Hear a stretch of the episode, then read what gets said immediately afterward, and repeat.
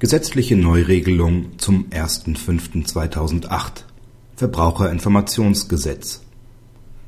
Am 1.5.2008 tritt auch der letzte Teil des Gesetzes zur Neuregelung des Rechts auf Verbraucherinformation in Kraft.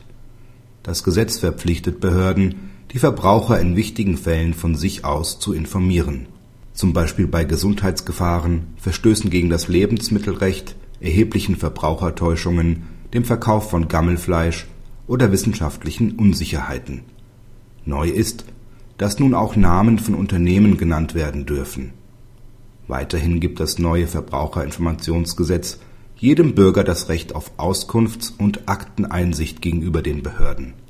Das heißt, jeder kann bei den zuständigen Behörden nachfragen, ob dort Daten zu bestimmten Lebens oder auch Futtermitteln, zu Kosmetika, Wein und Bedarfsgegenständen wie zum Beispiel Verpackungen und Textilien vorliegen.